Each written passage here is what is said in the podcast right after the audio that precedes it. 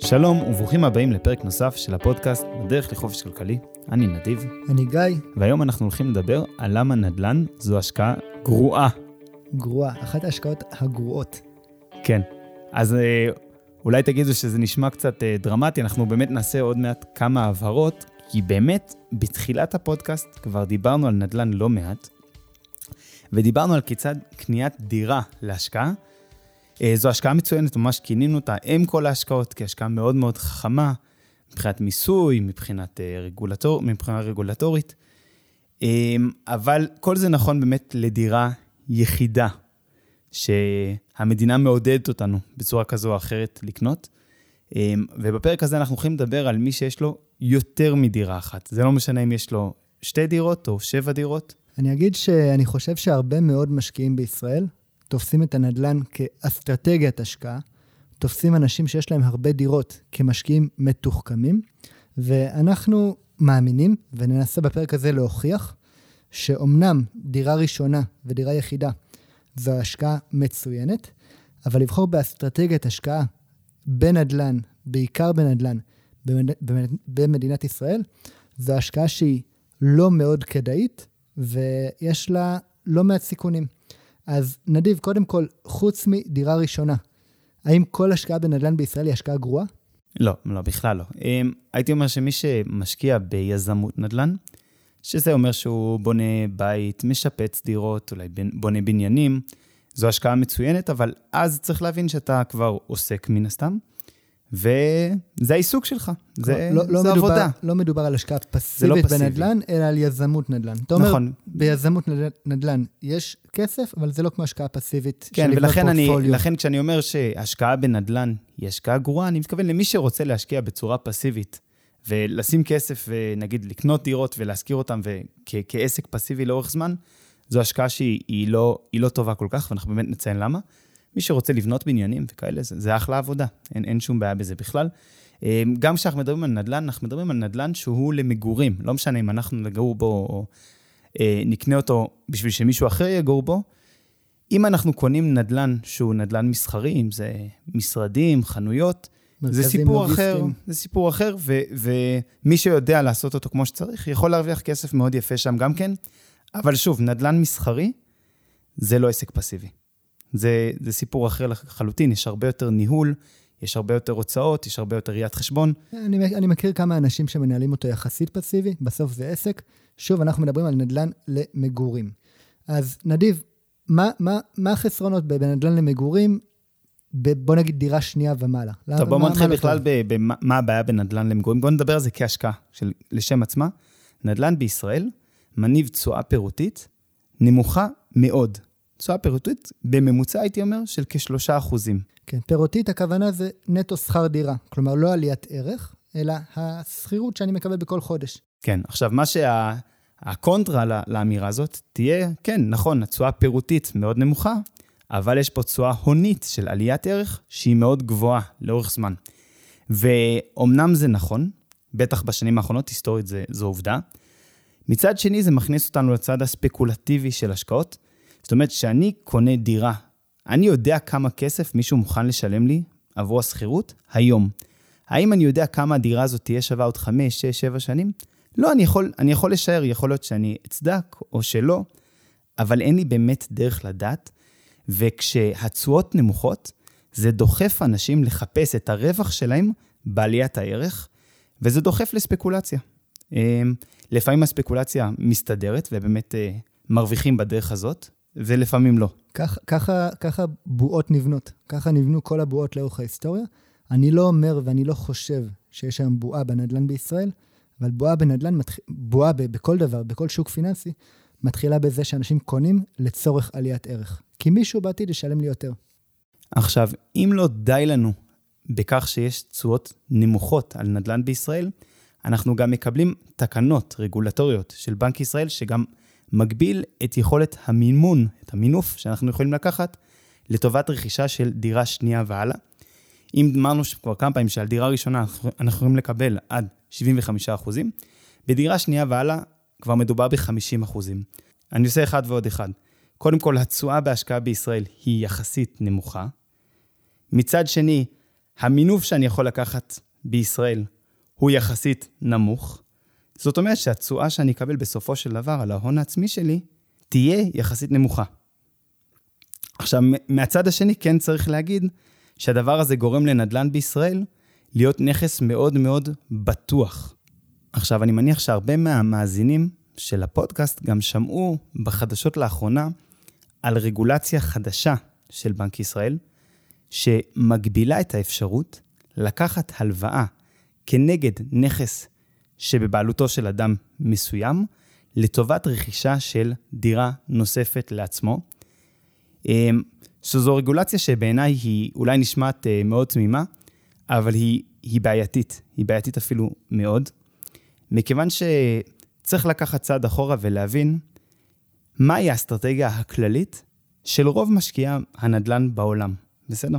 וברגע שנבין מה האסטרטגיה הכללית, נבין כמה התקנה הזאת של בנק ישראל היא תקנה מסוכנת. משקיע נדל"ן, מה שהוא עושה, המבנה העסקי, זה הוא קונה נכס במימון יחסית גבוה בדרך כלל, ומחזיק בנכס תקופה מסוימת, נהנה מתשואה פירותית ותשואה הונית, לאורך זמן.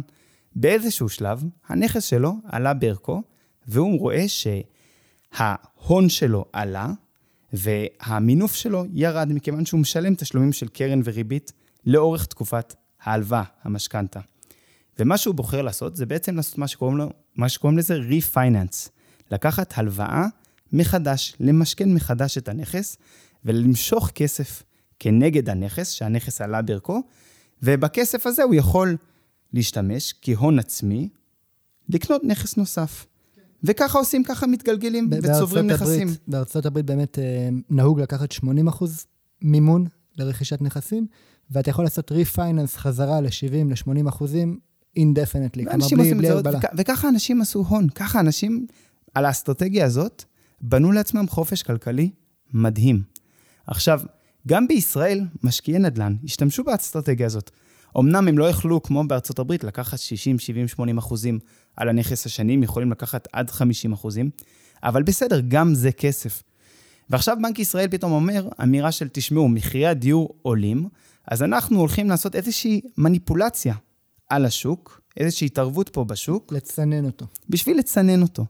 אמ, ואם מישהו היה לו אסטרטגיה, כמו שתיארנו עכשיו, אז פתאום כל האסטרטגיה שלך קצת הלכה לפח בגלל החלטה של הרגולטור אה, להתמודד עם הביקושים בצורה הוא כזו. הוא למעשה מוציא לך את המימון מהמשוואה, עם הרגולציה החדשה, מוציא לך את המימון מהמשוואה, וגורם לנו להישאר בעצם עם אותו נכס שהתשואה הפירותית עליו נמוכה, ועם מימון הרבה יותר נמוך, אה, זה מאוד מאוד פוגע בתשואות על ההשקעה. אז זה באמת בהקשר של מימון. משקיעי נדל"ן הם באמת, המימון הוא החמצן שלהם, כלומר, הוא, הוא הדלק של התשואות. עכשיו, גיא, איך תגיב עם, עם משקיעי נדל"ן? הרבה שמעתי שהם אמרו אמירה של, נכון, הגבילו אותנו, אבל מה אכפת לנו? אנחנו יכולים ללכת לגופים חוץ-בנקאיים שייתנו לנו את האשראי הזה. אפשר, אה, אפשר. יש גופים שנותנים אשראי, וזה זה אשראי שהוא יותר יקר. אה, זה אשראי שהוא הרבה יותר יקר, ועם התשואות של, התשואות הפירותיות של הנכסים, באמת, כמו שאמרת, באזור ה-3 אחוזים, וגוף חוץ-בנקאי שייתן לי מימון ב-5 אחוזים, אז להיכנס עכשיו לתזרים שלילי, אה, או להיכנס עכשיו ממש להפסד אה, על הריבית מתוך ציפייה לעליית ערך, לעליית ערך, זה, זה דבר שהוא מאוד ספקולטיבי. אז דיברנו באמת על תשואות נמוכות, דיברנו על מימון נמוך בנכסים למגורים מדירה שנייה ומעלה. עכשיו אני רוצה לגעת בנושא של מס, של מיסוי, שהוא כמובן חלק מאוד מרכזי מכל השקעה, שיקולי מס. דירה ראשונה, פטור מלא ממס רכישה, פטור מלא ממס שבח, פטור מלא משכירות עד רמה מסוימת. אה, דירה שנייה, מס מהשקל הראשון. מהשקל הראשון.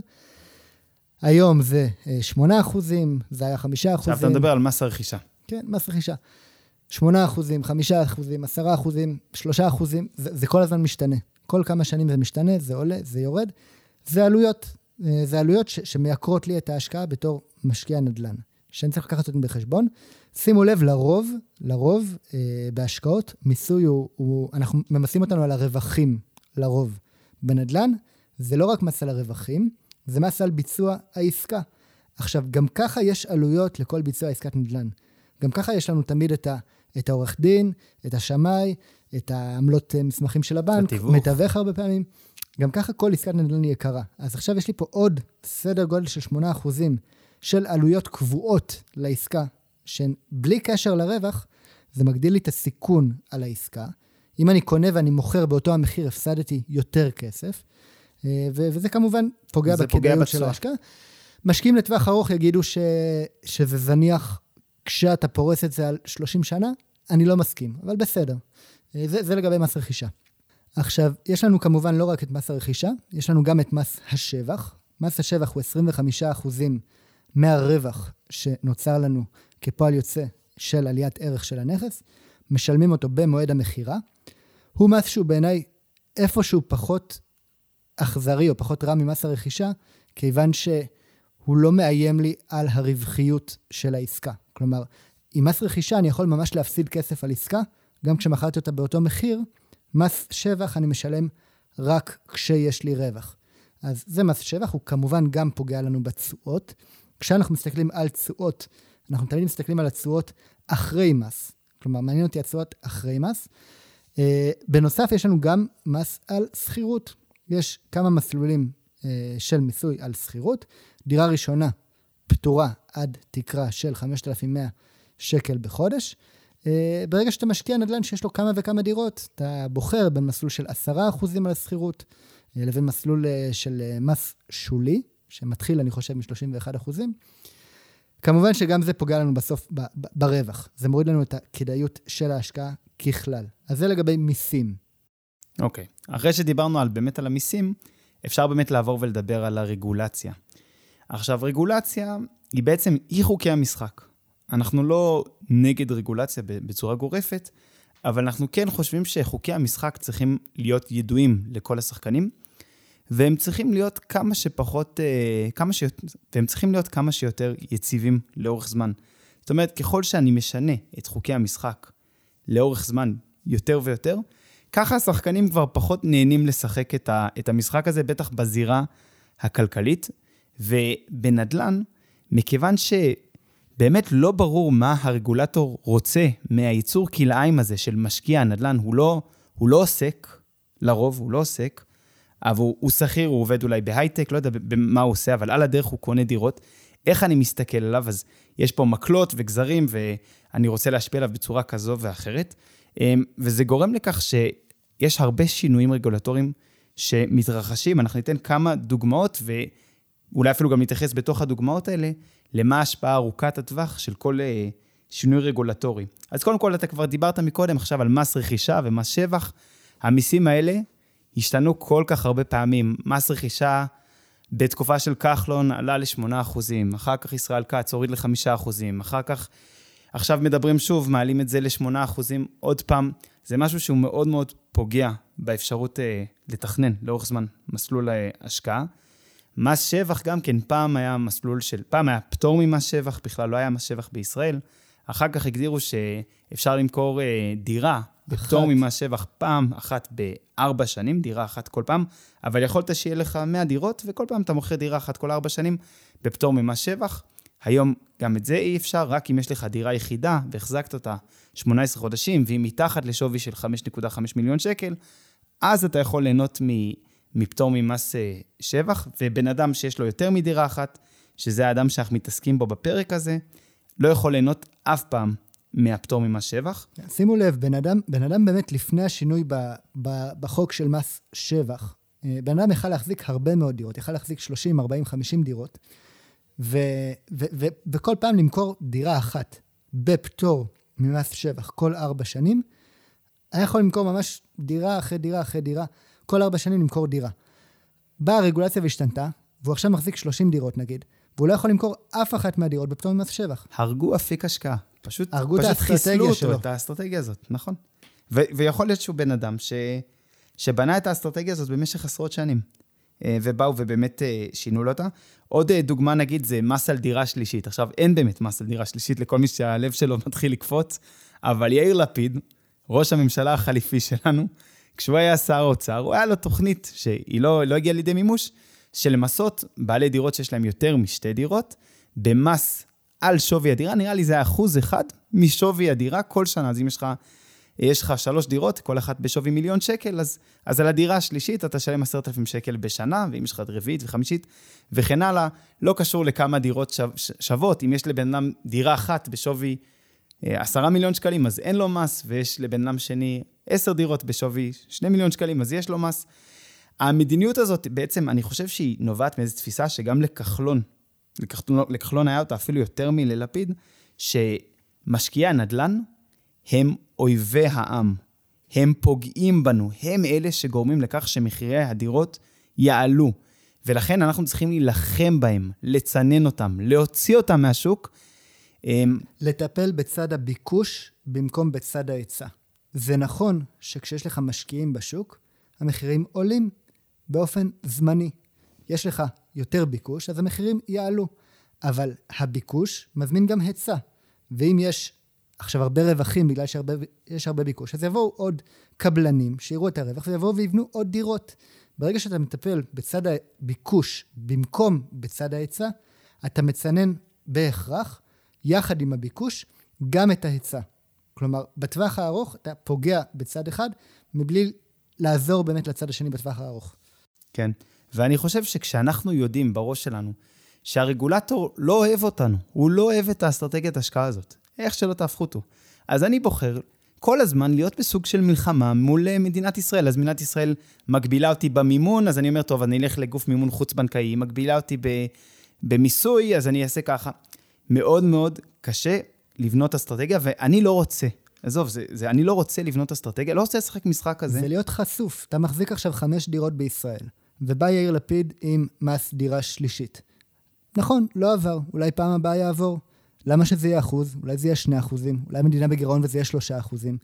כלומר, אולי, אולי, כלומר, יש פה כל מיני חוקים ש, שבאים ומשתנים, ואין פה ודאות רגולטורית. בעיניי זה דבר שהוא מאוד מאוד מפחיד. אני חושב שאולי זו הבעיה הכי גדולה בשוק הנדל"ן הישראלי. כדי להשקיע בשוק שאין בו ודאות רגולטורית, אני ארצה לראות הרבה מאוד אפסייד, הרבה מאוד אפסייד. כלומר, אני ארצה לראות תשואה להשקעה שמשקפת את הסיכון שלי.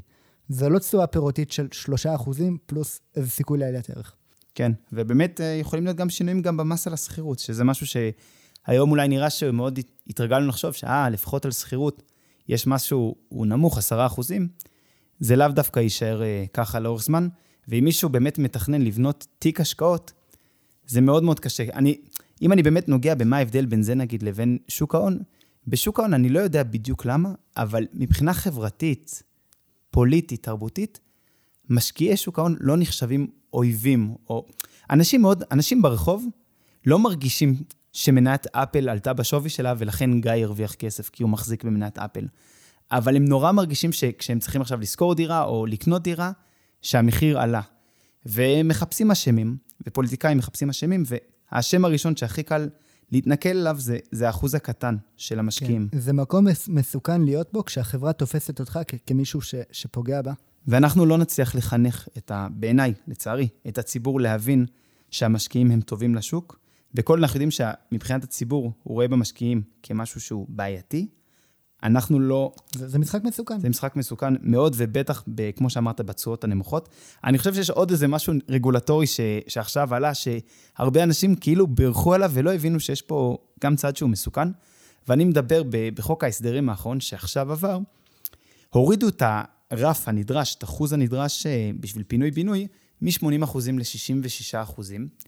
אמ, ועשו את זה באמת, לא, לא כי יש פתאום פחד גדול מרעיתות אדמה, לא, עשו את זה בגלל ש... יש גם פחד, כן. עשו את זה בעיקר, כן, יש גם פחד, בסדר? עשו את זה בעיקר כי מרגישים מצוקה. מבחינת הפוליטיקאים מרגישים שהשטח בוער, שאנשים רואים שמחירי הנדל"ן עלו בש, בשנה האחרונה ב-10%, והם מרגישים את, ה, את הלחץ הציבורי. ולכן, איפה אנחנו יכולים ליצור פתרונות בטווח הקצר? בואו נאפשר יותר פינוי-בינוי. מה מעכב פינוי-בינוי? אחוז, אחוז ההסכמה, בואו נוריד את אחוז ההסכמה.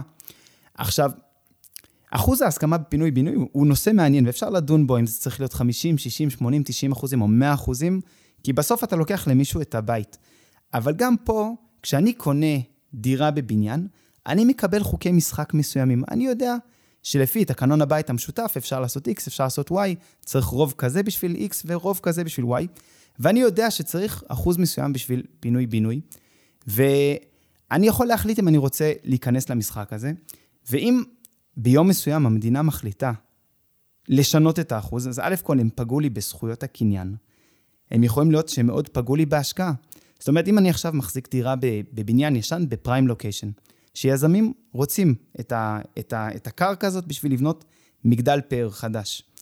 ואני יודע שהאזור הולך לעלות בשוויו עם הזמן, ואני יודע שיכולת המיקוח שלי מול יזמים תעלה עם הזמן, ואני רוצה לחכות על הקרקע שלי, בדירה שלי, לחכות. מדינת ישראל פתאום אומרת, לא, לשכנים שלך עכשיו תהיה יותר השפעה לדחוף אותך לעשות כזה דבר. אמ, בעיניי זו, זו בעיה מאוד מאוד גדולה. כן, אני, אני לא חושב שהדיון פה, האם נכון שזה יהיה 60 אחוזים, או, או 70 או 80, באמת, זה האי-ודאות הרגולטורית. היציבות ש, שחסרה פה. כן, עכשיו שים לב להבדלים, נדיב.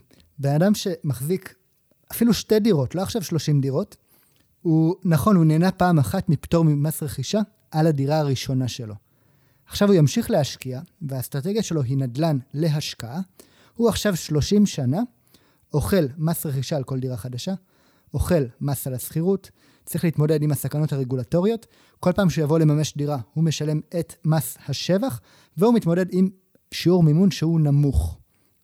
עכשיו, כל ההטבות שקיימות לדירה ראשונה, שזה פטור, ממ... פטור ממס רכישה, פטור ממס שבח, פטור ממס על שכירות, מימון גבוה, מימון של 75%, מימון שהוא גבוה, הוא לא נהנה מהם אפילו לא פעם אחת. הוא לא נהנה מהפטור ממס שבח, הוא לא נהנה משום דבר. הוא נהנה פעם אחת כשהוא קונה את הדירה הראשונה, אבל כן, נכון. כן, מעבר לזה, כל הקריירה שלו כמשקיע, כן. כל ה...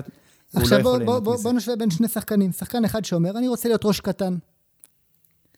אני רוצה להחזיק רק דירה אחת כל פעם. אני אקנה אותה בפטור ממס רכישה, אני אחזיק אותה בפטור משכירות, אני אמכור אותה אחרי חמש, שש שנים בפטור ממס שבח. כשאני מוכר אותה, אני יכול עכשיו עם הכסף לבוא ולקנות דירה חדשה שהיא יותר יקרה, תכניס לי יותר שכירות. הדירה החדשה הזו, אני יכול עליה לקחת מחדש 75 אחוזי מימון, ושוב ליהנות מכל הפטורים האלה, בהנחה שהחזקתי אותה לפחות שנה וחצי.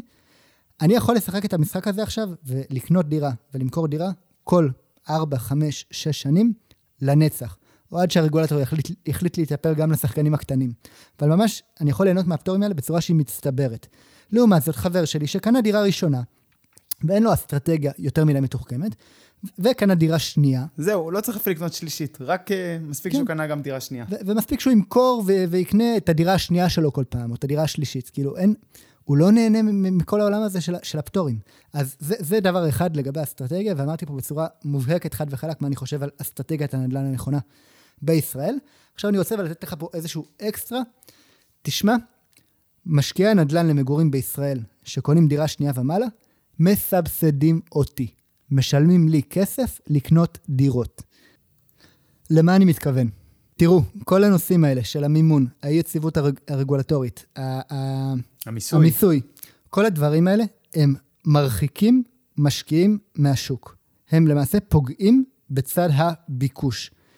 כשיש לי פחות משקיעים, יש לי פחות ביקוש, אז אני בתור שחקן שהוא לא משקיע, אני תמים. אני מגיע ואני קונה את הדירה הראשונה שלי, יש לי פחות תחרות. פחות אנשים נמצאים איתי בשוק על אותן הדירות. כלומר, המדינה פה באה ובאופן מלאכותי דיכאה את הביקוש, הגדילה את הכוח מיקוח שלי כקונה אל מול אותה כמות של מוכרים, ולכן באופן אפקטיבי היא הורידה עבורי את מחירי הדיור. מעניין מאוד. טוב, תודה שהאזנתם לפרק נוסף של הפודקאסט בדרך לחופש כלכלי. אתם מוזמנים לעקוב אחרינו בדף הפייסבוק, לשאול שאלות, להעיר הערות. איננו יועצים פיננסיים, ולכן יש לקחת כל מה שנאמר בפודקאסט בערבון מוגבל. אנחנו בסך הכל משתפים אתכם בדרך שלנו לחופש כלכלי. בהצלחה.